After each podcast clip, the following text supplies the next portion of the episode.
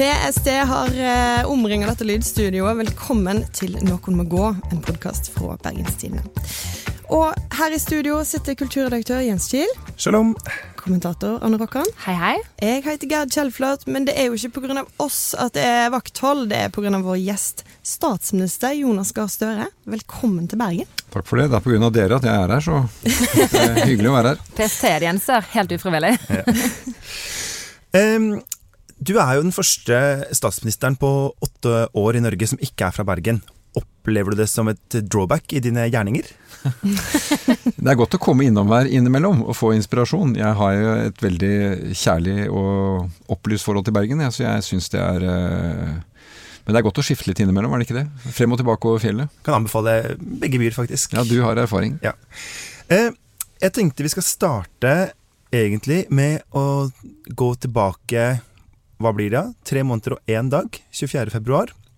Eh, og til eh, Russlands invasjon av eh, Ukraina. Når var det du fikk eh, høre om det? Altså, Våkna du midt natta, eller fikk du vite det om morgenen? Eller hvordan, hvordan ble en statsminister varsla? Ja, det var i de veldig tidlige morgentimene. Om at da invasjonen hadde begynt noen timer før egentlig ikke overraskende, fordi eh, jeg hadde gått og følt på dette egentlig i mange måneder når vi så oppbyggingen. Og i de januar-februardagene så var det jo eh, påtagelig at dette kunne skje. Det var så massivt. Og så trodde man til slutt, helt inntil slutt at kanskje er det fortsatt bare en styrkedemonstrasjon for å få til noe som skal skje politisk.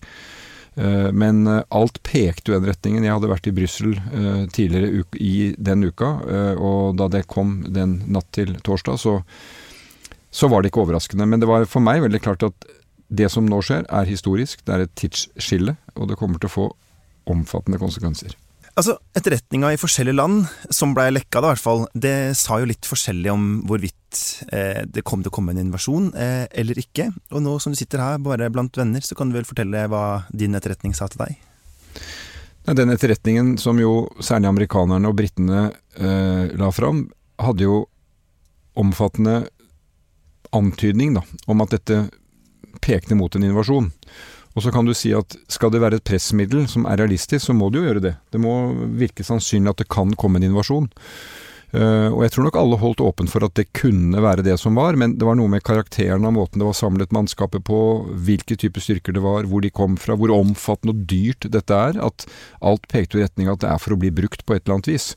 Og det interessante var jo at denne gangen så var jo det etterretning som eh, ble eh, delt. Vi fikk tilgang på en god del av det, gjorde våre analyser, og dagen etter sto det i New York Times. Eh, så amerikanerne valgte jo en, en, en linje hvor de holdt et speil opp og sa dette er det vi ser. Og så sa noen av det er det samme som manipulert etterretning som under Irak-krigen. Nei, dette var jo bildet av hva de faktisk så. Og det er jo en av de store lærdommene med denne krigen, er at uh, etterretning er så viktig som det er, uh, for å vite hva som skjer. Og det at uh, ukrainerne har hatt etterretning om hva som skjer på russisk side på det militære angrepet, har jo vært veldig viktig for hvordan krigen har forløpt. Mm.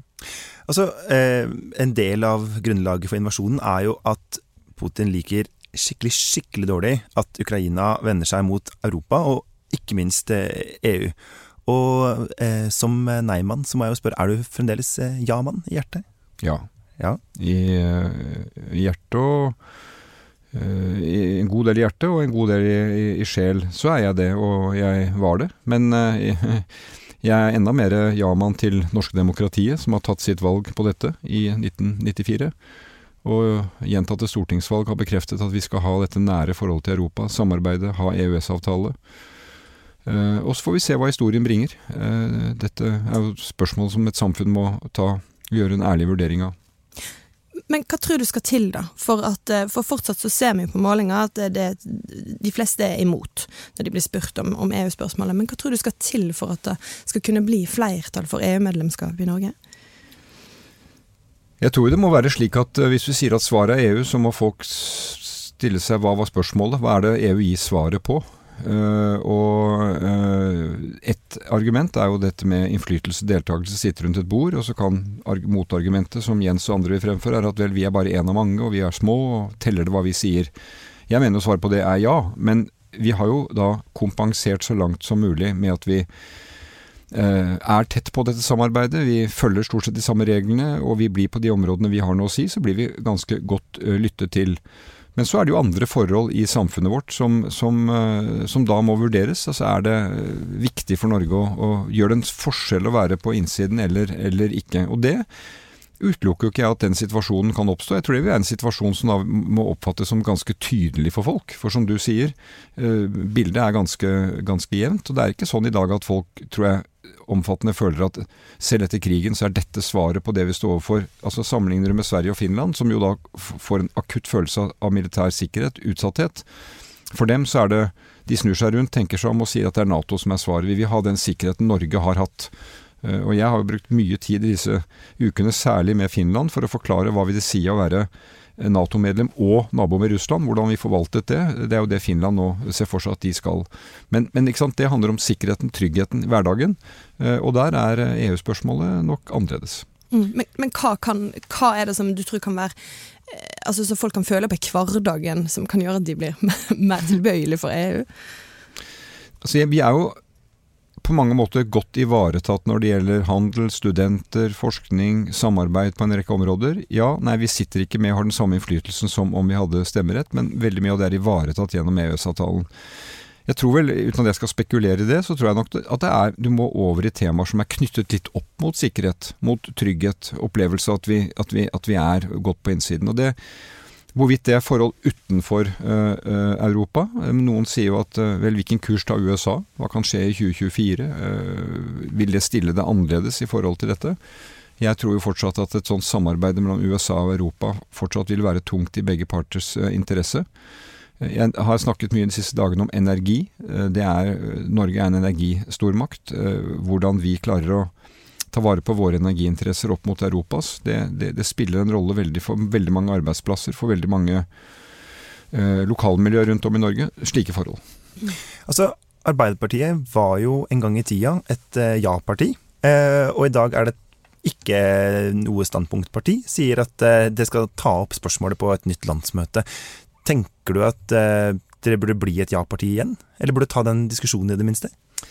Altså, jeg, som jo personlig har den meningen jeg har om den saken, men lever med at det er ikke der vi er, jeg har jo ment at det er litt rart å ha som et prinsipielt standpunkt at vi er ja til noe som er i utvikling som det er.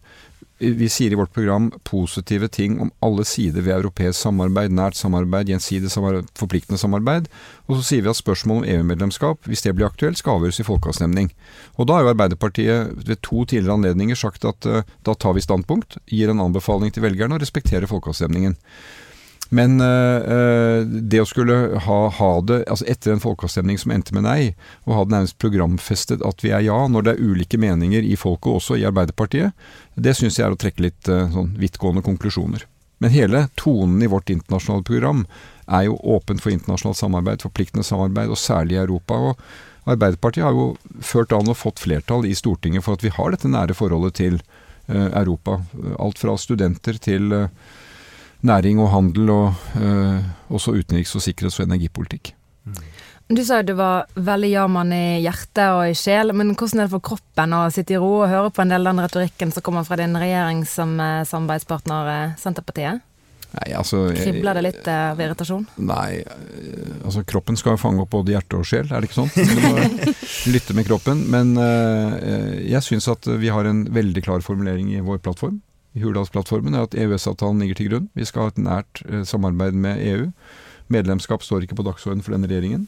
Og vi skal ta vare på en del viktige nasjonale interesser eh, og bruke handlingsrommet som vi har. Det er vi enige om. Så syns ikke jeg at eh, det er vanskelig å leve med og forstå at det er ulike synspunkt på det temaet. Jeg har forståelse for det. Jeg, han rett over bordet her har meninger som jeg, eh, jeg egentlig vil si at jeg, jeg, forstår dem, og jeg kan også ha respekt for dem. Og, du tilgir ham? Ja, jeg tilgir ham, og jeg lytter gjerne til det. Og jeg mener det må jo være ak akkurat nå hvor kampen står om demokrati i deler av Europa, så tåler jo vi det. Eh, og vi tåler det veldig godt, og vi blir til og med klokere av det, tror jeg. Mm. Altså, En annen konsekvens av eh, hele alt dette som skjer nå, og, og Russlands invasjon, det er jo en historisk eh, nordisk Nato-utvidelse. Eh, så man kan jo si at endelig har vi fått denne nordiske forsvarsalliansen som den mer radikale delen av venstresida ønska seg i noen tiår. Og det jeg iallfall lurer på, da, eller eh, jeg lurer på masse ting her, men en av de tingene er at etter valget så strakk du ut en eh, egentlig overraskende vennlig hånd til Bjørnar Moxnes, leder i Rødt, og drakk eh, kaffemann, i hvert fall. Eller kanskje noe annet. Og eh, sa dere blir ikke mer regjering, men vi skal samarbeide. Har det på en måte det, denne vårens Nato-debatt i det partiet, og denne vårens Russland-debatt i det partiet, har det forandra noe for deg i synet på Rødt? For det første så hadde jeg jo en kontakt mot Rødt fordi Rødt pekte på oss som regjeringsparti. Og da mener jeg det er naturlig at du har samtale og kontakt. har det overrasket meg? Nei, det har det ikke. Fordi Rødt har en ideologi og en historie og et standpunkt i forhold til internasjonalt samarbeid, og ikke minst samarbeid med USA, som er kjent. Fra tiden tilbake igjen til 70-tallet, da jeg ble kjent med opphavet til det partiet.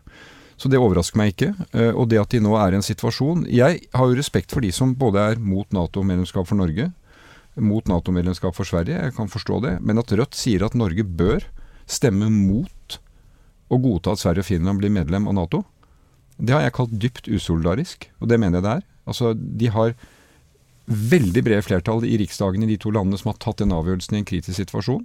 Så mener jeg det er en autoritær Eh, og forblindet holdning å si eh, det de eh, Rødt gjør. Men, jeg mener det er gjenkjennelig i deler av det Rødt står for. Nå har de de er lettbente i Stortinget med alle mange gode forslag som skal bevilge penger og, og, og, løse problemer. Jeg er ikke enig i alle løsningene de kommer med, men de kan snakke mye om det. Men på dette området er vi fundamentalt uenige.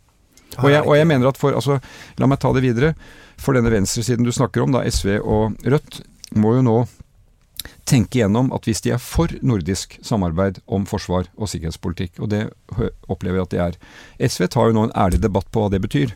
Men det jeg mener man må erkjenne, er at Norden er en mulighet, men det kan ikke bli en illusjon. Og Norden er en illusjon hvis du tror at vi kan få et nordisk samarbeid om forsvar uten at det er en del av et europeisk atlantisk perspektiv. Det trodde man i de første årene etter andre verdenskrigen, og på slutten av 1948 så var alle enige om at det går ikke. Du må ha en vestlig forankring, sikkerhetsgaranti. Det er det mulighet for nå. Og øh, jeg håper jo at, øh, at man ser at den muligheten til nordisk samordning, vi kan øve sammen, vi kan påvirke hvordan vi skal se på nedrustning, hvordan vi skal se på lavspenning, fordi vi er fem nordiske land. Den muligheten har vi nå, men da skjer det innen rammen av Nato. Men har du blitt overrasket over hvor fundamentalt deres nei er? Rødt? Ja. Nei, for de er eh, fundamentale i slike spørsmål. Og det er det som byr meg mest imot. Det er eh, autoritær holdning eh, til politikk eh, i bunn. Eh, og det eh, appellerer ikke til meg. Men det er sikkert ikke bare jeg i Norge som blei litt svett på ryggen av å tenke på at vår i fire år at vår eh, vestlige sikkerhetsgaranti, som det heter så fint, eh, den var underskrevet av Donald Trump. Eh, det er jo en side ved Nato, da. At vi blir så utrolig avhengig av at eh, USA ikke er eh, skvett gærne.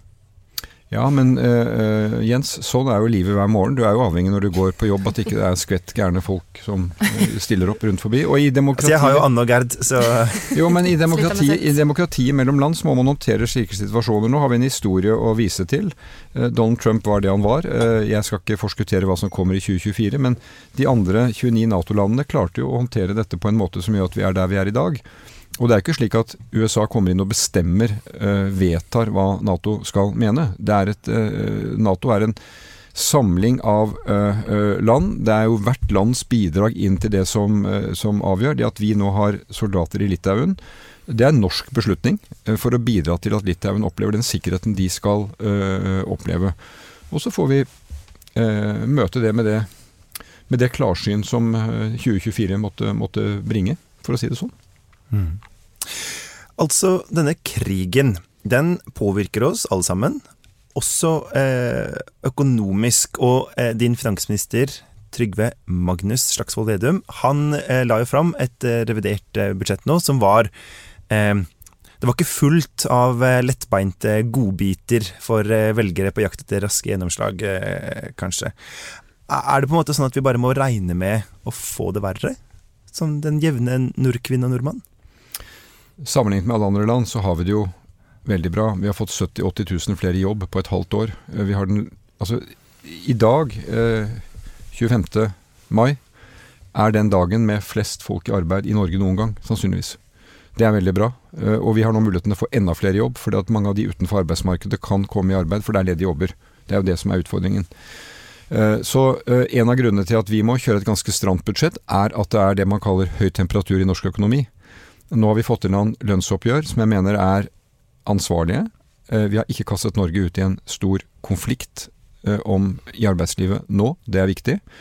Uh, og så har jo Norge Det dette budsjettet har handlet mye om, var jo å vise at vi har brukt en god del mer penger enn planlagt første halvår pga. strømkrise, pandemikrise, Ukraina-flyktninger og styrket forsvar. Da må vi midtveis i året hente inn igjen noe av de pengene igjen. Uh, fordi Norge har et oljefond vi kan bruke av, men vi kan ikke bruke så mye at vi driver renta i været. Renta skal opp, sier Norges Bank, men ikke mer enn det den må. og Vi skal ikke bidra til det. Så det var det viktige for både Trygve og meg som finans- og statsminister å bidra med at det budskapet kom ut. Og det tror jeg vi har fått med oss. Vi ser jo det i, i det, sånn som uh, omgivelsene reagerer på det, at vi kan ha bidratt til det. Men hvis du, uh, altså, hvis du skal se litt i det lengre løp, da, det som, som Jens spør om, altså, må vi, vi har jo da, som du sier, veldig godt. Men er vi nå kommet til et punkt der vi ikke kan forvente å bare få det bedre? At vi må innstille oss på Eh, å stramme livrem og for første gang i livet for veldig mange her, da. Ja. Det åpner for et, egentlig en stor filosofisk debatt. Hva skal jo, kom igjen. Det, jo, men, hva, jo, men jeg synes det er sånn, Hva skal det til for å ha det bedre? Er det at vi mm. hele tiden får mer? Vi må jo også få på andre måter. Uh, I går var jeg nede uh, på Stord og så på en, en, bedrift som nå klarer å utvikle biogass fra fiskeavfall og kugjødsel, nei, kumøkk. Altså Det er en del av sirkulærøkonomien. Fantastisk verdiskapning av det som ellers var avfall.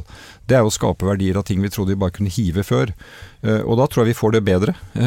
så det er én måte å, å, se det på. Og, og vi kan, må, kan, ikke tenke at liksom den materielle kurven bare peker én vei for å, for, å, for å få det bedre. Utfordringen vår nå er jo at vi er i en krigsomgivelse der ute i Europa hvor mat blir dyrere, energi blir dyrere, råvarer blir dyrere, gjødsel blir dyrere. Det er jo en utfordring som heter inflasjon. Eh, og hvor det at vi har nå et kontrollert lønnsoppgjør, er et veldig bidrag til at vi eh, tar vare på forholdene i Norge. Men vi er jo vevet inn i en stor verden. Så jeg tror, eh, og det, det, det, preger jo meg, at jeg vet at mange utsatte norske husholdninger, familier, har fått tøffere familieøkonomi. Større strømregninger, de som uh, har fått drivstoff er viktige ting, preger dem. Og da er det enda viktigere at iallfall sørger for at ikke boliglånet deres, for nordmenn er sammen med danskene de mest forgjeldede i Europa, at, at dem blir, kommer ut av kontroll. Og så tror jeg fortsatt at vi kommer til å se en utvikling hvor vi kommer til å få øh, nye økonomiske muligheter, øh, bedre råd. Men nå skal vi gjennom en, en, en tid rundt oss som, hvor mange land er i utsatt situasjon. Og vi må, dette med gammelt hedersord i Arbeiderpartiet, trygg økonomisk styring, blir det som må være prioriteten. Ja, men hvordan um, altså som du, Nå er det jo lettere å snakke om dette fordi uh, det er varmt i været, og den akutte strøm- og energikrisen som vi hadde i vinter, den den hviler litt akkurat nå, men det er jo Og selv om dere har et eh, lønnsoppgjør som kanskje ikke bidrar til um, til økonomisk vekst eller til overoppretting av økonomien på den måten det kunne gjort, så er det jo fortsatt renten kommer til å øke mye fremover. Den er ikke den er ikke bremset nå, og strømprisene kommer til å øke, og, og drivstoffprisene kommer til å eh, være høye. Og hvordan kommuniserer man på en måte til velgerne sine? At ikke dere kan bistå med all verdens strømstøtte og nye velstandsprosjekter til på en måte deres eget beste? Det er jo som du sier, det handler jo om å kommunisere. Husk på at renta var i null. Og det er jo helt utenfor enhver økonomisk eh, teori at den skal være i null. Eh, så det at den på en måte skal opp noe, det har vært Norges Bank, det er deres ansvar, deres beslutning. Og Da kommer jo denne ansvarsdelingen at vi som driver med budsjett, eh, vi skal passe på at iallfall ikke vi skyver den lenger opp enn nødvendig. Jeg tror jo på det er mulig å forklare til folk en del av de sammenhengene. Det vil alltid være opposisjon og partier og grupper som sier mer til oss, vi vil ha mer type støtte. Og så må vi gjøre avveininger. Vi har jo gått inn og brukt store milliardbeløp å ta deler av strømregningen din. Den tar vel nå her i sør en tredjedel av regninga til, eh, til, eh, til mange, og ofte noen ganger litt mer. Men svar, så vi må kommunisere det. Og så er svaret på litt lengre sikt at vi, vi, trenger mer kraft. Men det er ikke vanskelig å kommunisere at vi tar litt av strømregningen, men at du ikke kan ta alt? Nei, men eh, det, eh, jeg eh, tror på at det er mulig å kommunisere det. La meg ta en liten parentes. Jeg husker Gro Arne Brundtland var statsminister da liksom, vi begynte å se for oss en situasjon hvor Norge hadde store økonomiske reserver. Og hun sa en gang at Det er mulig å forklare til folk at du ikke kan bruke penger du ikke har. Mm. Det er vanskeligere å forklare til folk at du ikke kan bruke penger som du har. Men det er ikke umulig. Jeg tror, jeg, jeg, tror, jeg tror, det er mulig å forklare til folk at hvis vi skal dekke alle regninger for alle folk i alle situasjoner, så går noe galt. Så vi må bare være troverdige i det. Og så må vi også vise en type da, måtehold også på statlig side. Og det er derfor dette spørsmålet om lederlønninger, hva, hva skjer med med folks øh, altså Hva skjer med forskjellene i samfunnet, virker direkte inn på dette temaet. For hvis vanlige folk som har vanlige lønninger, jobber på sykehus, jobber i sykehjem, jobber på en industribedrift, ser at de som sitter med de ledende stillingene, også i staten, fyker av gårde med bonus Dette, dette har jo dere avdekket her i BT de siste dagene. Ja, det er en som referanse til Jo, men, men, jeg mener det er veldig jeg, jeg, jeg, jeg, berømmer den type journalistikk, for vi må få det fram, og vi må få en slutt på det. For det truer mer enn akkurat bare at det, det der var urettferdig. For det truer folks oppslutning om at vi må holde igjen. Ja, og det var jo 135 millioner han eh, Joakim Høeg Krona stukk av med, som vi liker å tulle med, eh, av på en måte fellesskapets penger som kunne vært. Men det er jo også ingenting i forhold til de store summene som på en måte må tas inn, f.eks. I, i revidert eh, nasjonalbudsjett nå. Og er det noen, altså de nærmeste fire årene f.eks., tilfeldig valgt eh, tidsepoke, eh, hvor er det mulig å ta inn på velferden for for din regjering? Nei, velferden mener jeg vi skal uh, slå ring om. Altså jeg, har jo tro på at det å utvikle velferdstilbud videre er positivt for økonomien. Flere kan jobbe, flere kan uh, ta vare på helsen sin uh, og seg og sine. Så det har jeg ikke noen planer om kutt der. Vi må ta vare på pensjonsreformen. Vi lever lenger. Og da må vi sørge for at de som er slitere kan gå av og alt dette, men, men det er en viktig måte å ha kontroll på økonomien vår. Og så er det en del av de tingene vi bevilger oss, det har vi vært i debatt om nå, offentlig bygg, samferdsel, vei, bane, luft osv. Hvor det kan hende at noe må gå i litt annen takt enn det mange skulle ønske seg.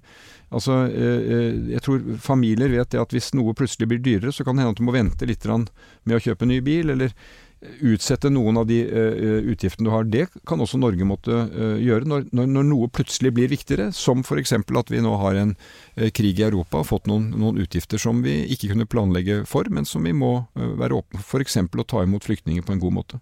Høres kanskje ikke ut som om Senterpartiet og idretten får noe vinter-OL til 50 milliarder? da? Nei, vi får se. Men det, altså det, som er så fint i Norge, at disse debattene Du snakket om EU i sted. Disse debattene får jo komme også litt opp. Uh, sette søkelys på det. Hva er prisen jeg er villig til å betale? Hvordan skal det gjøres? Uh, det var en som minnet meg på her i dag.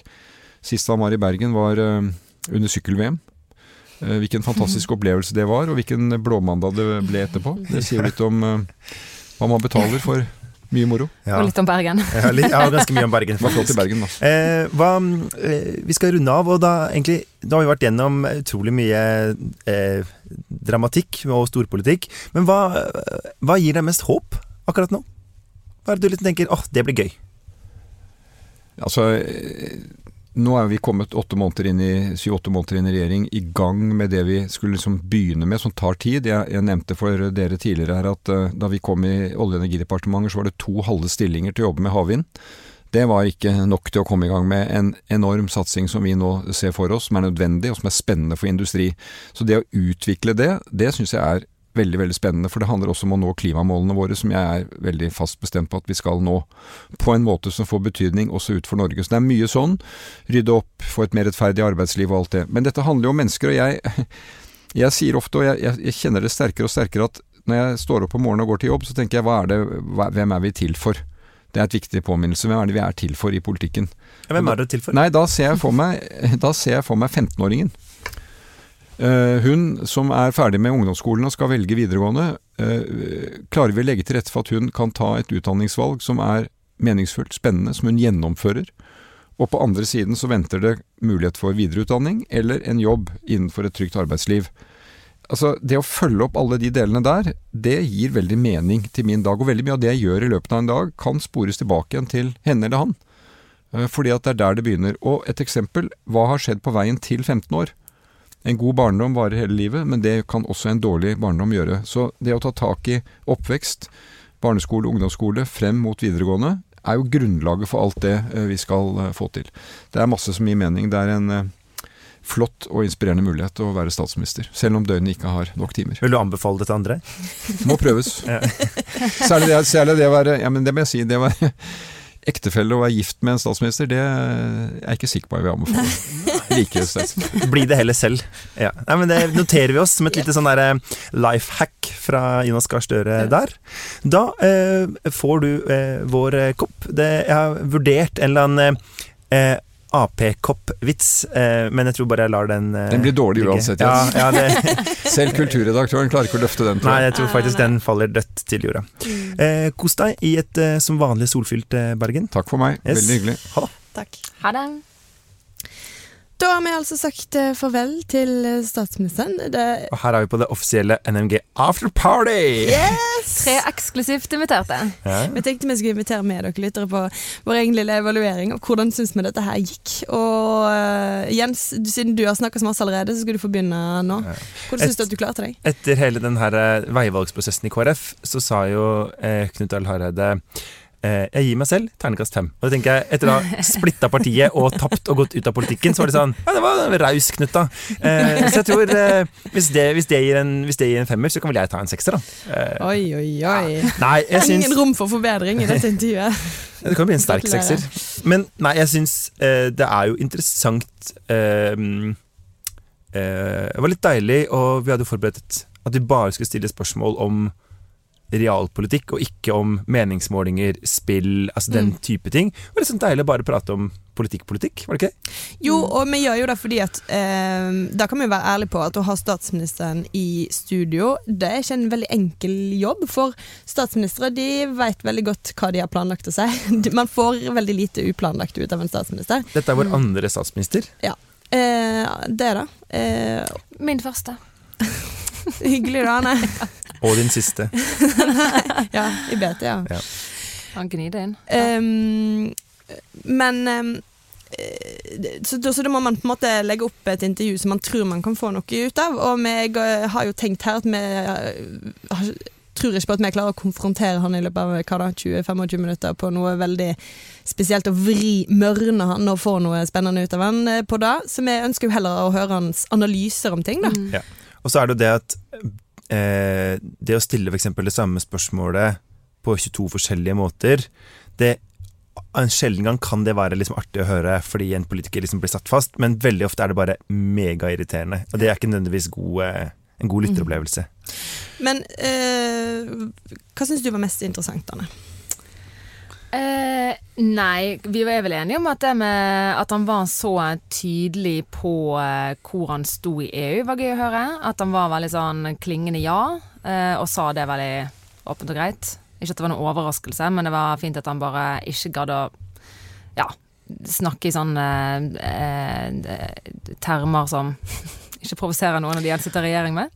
Nei, men kanskje det det, jeg tror det er ganske lett for han, fordi han s- alltid har stått uh, på den siden, så er det lett for han å på en måte fortsette å gjøre det ut Altså, det er ikke provoserende for Senterpartiet um, at han mener det, for det vet de, og, og der er de på en måte avklart at de har hver sine standpunkt, og så har de sin, uh, sin felles plattform, og så er- klarer han jo ikke å si noe sånn eh, revolusjonerende på hva denne altså Denne regjeringen vil jo egentlig ikke ta i det spørsmålet, og det er greit nok, men det er interessant å høre han på en måte gi litt analyser om hva som kan få denne debatten til å eventuelt komme opp, for nå har vi jo hatt enkelte partier som prøver å få EU-debatten eh, til å våk vekkes til liv igjen. Eh, da, Middels suksess. middels suksess, og Støre har jo også sagt tidligere eh, før dette at han er ikke så interessert i det. Det gir mening, for det er ikke noe flertall i folket for dette ennå.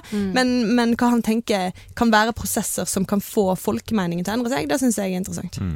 Det er jo interessant, da, for det er jo eh, Jeg tror problemet for de her folka er jo at de skrev en EØS-avtale, som jo han var med på å skrive, som på en måte er i hermetegn for god. Altså at det er ikke sånn at den jevne, egentlig litt EU-vennlige nordkvinne, nordmann, eh, føler på et utenforskap. Altså, jeg tror det hadde vært mye mer eh, Det hadde skifta mye mer i folket hvis Bent Høie kom og sa eh, EU får vaksiner, Norge får ikke. Ja, Ikke sant? Da tror jeg at det hadde gjort noe på meningsmålingene. Ja, det er sant. Det hadde vært en sak Ja. som hadde Så egentlig det litt, Så tenker det virker for godt som vi har det nå. Ja, kanskje. Ikke sant? At sånn eh, Alle sånne eh, Eller sånn som nå, da. Hvis verden åpna, og EU hadde sagt ja, nå er det fri innreise mellom alle EU-land, men ikke dere oppe i nord, Sånn at vi måtte sitte her, på en måte, eh, og ikke kunne reise på ferie til Granca. Mm. Eh, sånn, jeg tror det hadde liksom forandra det. Det er Granca som skal til for å få folk til å bli Ja, utestenge oss fra Granca. Ja. Nåler og eh, Granca siden Da blir det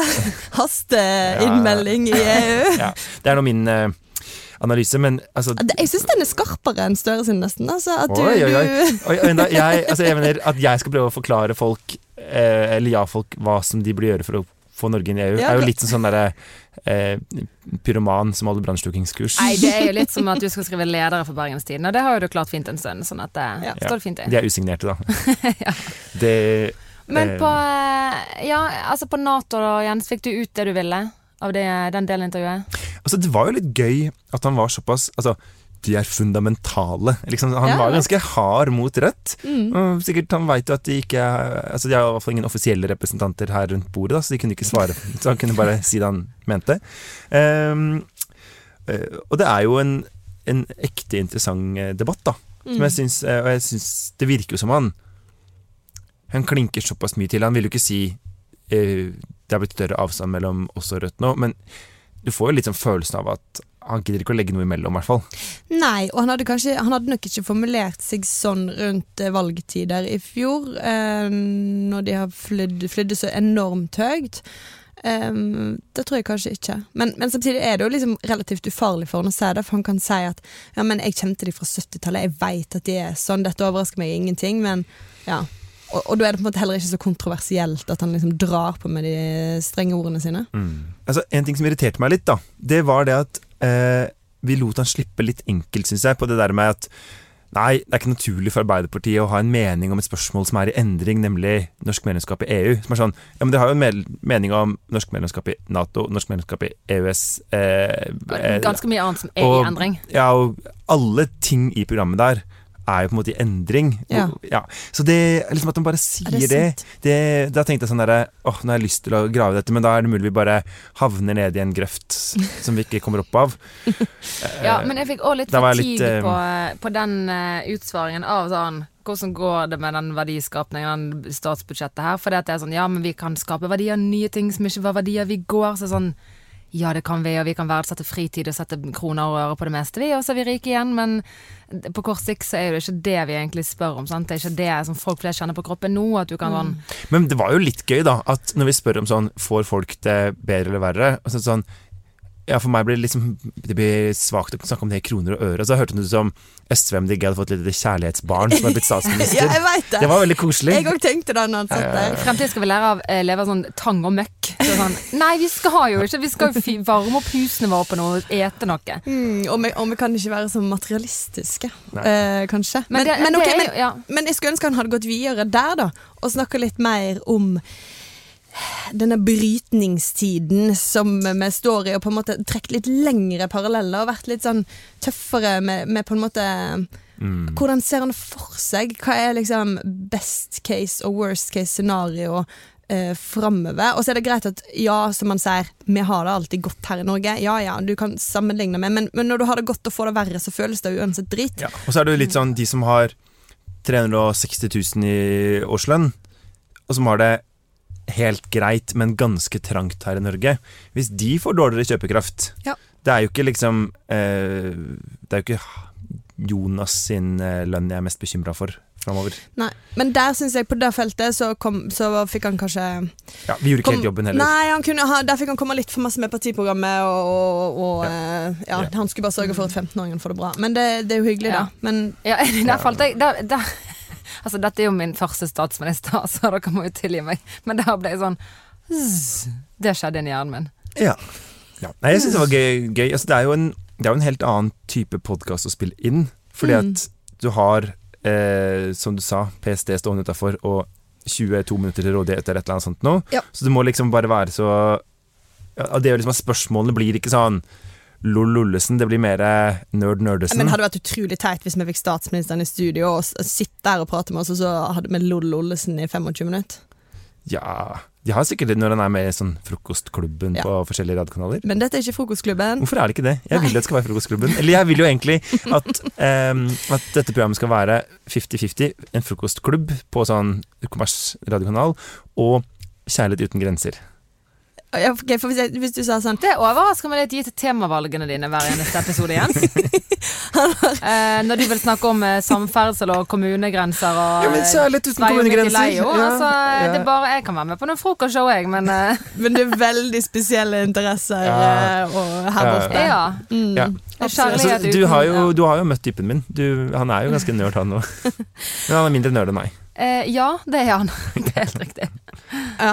Nei, men ok, jeg tror vi skal runde av uh, her. Jeg, jeg, jeg føler liksom at det blir så rart at statsministeren på, på besøk og sier sånn Er det noen som må gå i dag? Jeg, Ja, jeg har tenkt skal vi spørre om det? men bare Er det noen som må gå i dag? Er det noen som går, må gå om tre år? Nå noen, når må noen gå? tar, Altså Hvis han hadde vært der, så hadde han kanskje vært litt sånn Jeg tror han hadde gått for Rødt må gå. Tror du det? Ja, I hvert fall liksom Nato-debattantene i Rødt. Ja, ja da, akkurat da kunne jeg sagt må gå. Ja. Ja. Jeg er litt usikker på Sagt sånn, nei, jeg syns Russland må gå rolig ut av eh, Det syns jeg er en god idé at de skal Og så må vi alle sammen gå eh, Ja, litt vi- med Gud og sammen i trekke i samme retning Ja. eh, og litt sånne ting. Skal vi lande på det, da? Putin må gå? Ja, Putin må Shit, tenk om vi brukte tre Gå. måneder på det. All right. Ok. Innspill og tilbakemeldinger sender du til nmg.krøllalfa.bt.no, eller selvsagt i Facebook-gruppa Noen må gå. Ikke glem at vi skal ha eh, quiz eh, som man kan eh, kjøpe billetter til inne i eh, Noe må gå-gruppe på Facebook. Mm. Det blir sykt gøy. 16.6 der, altså. Sett av den datoen.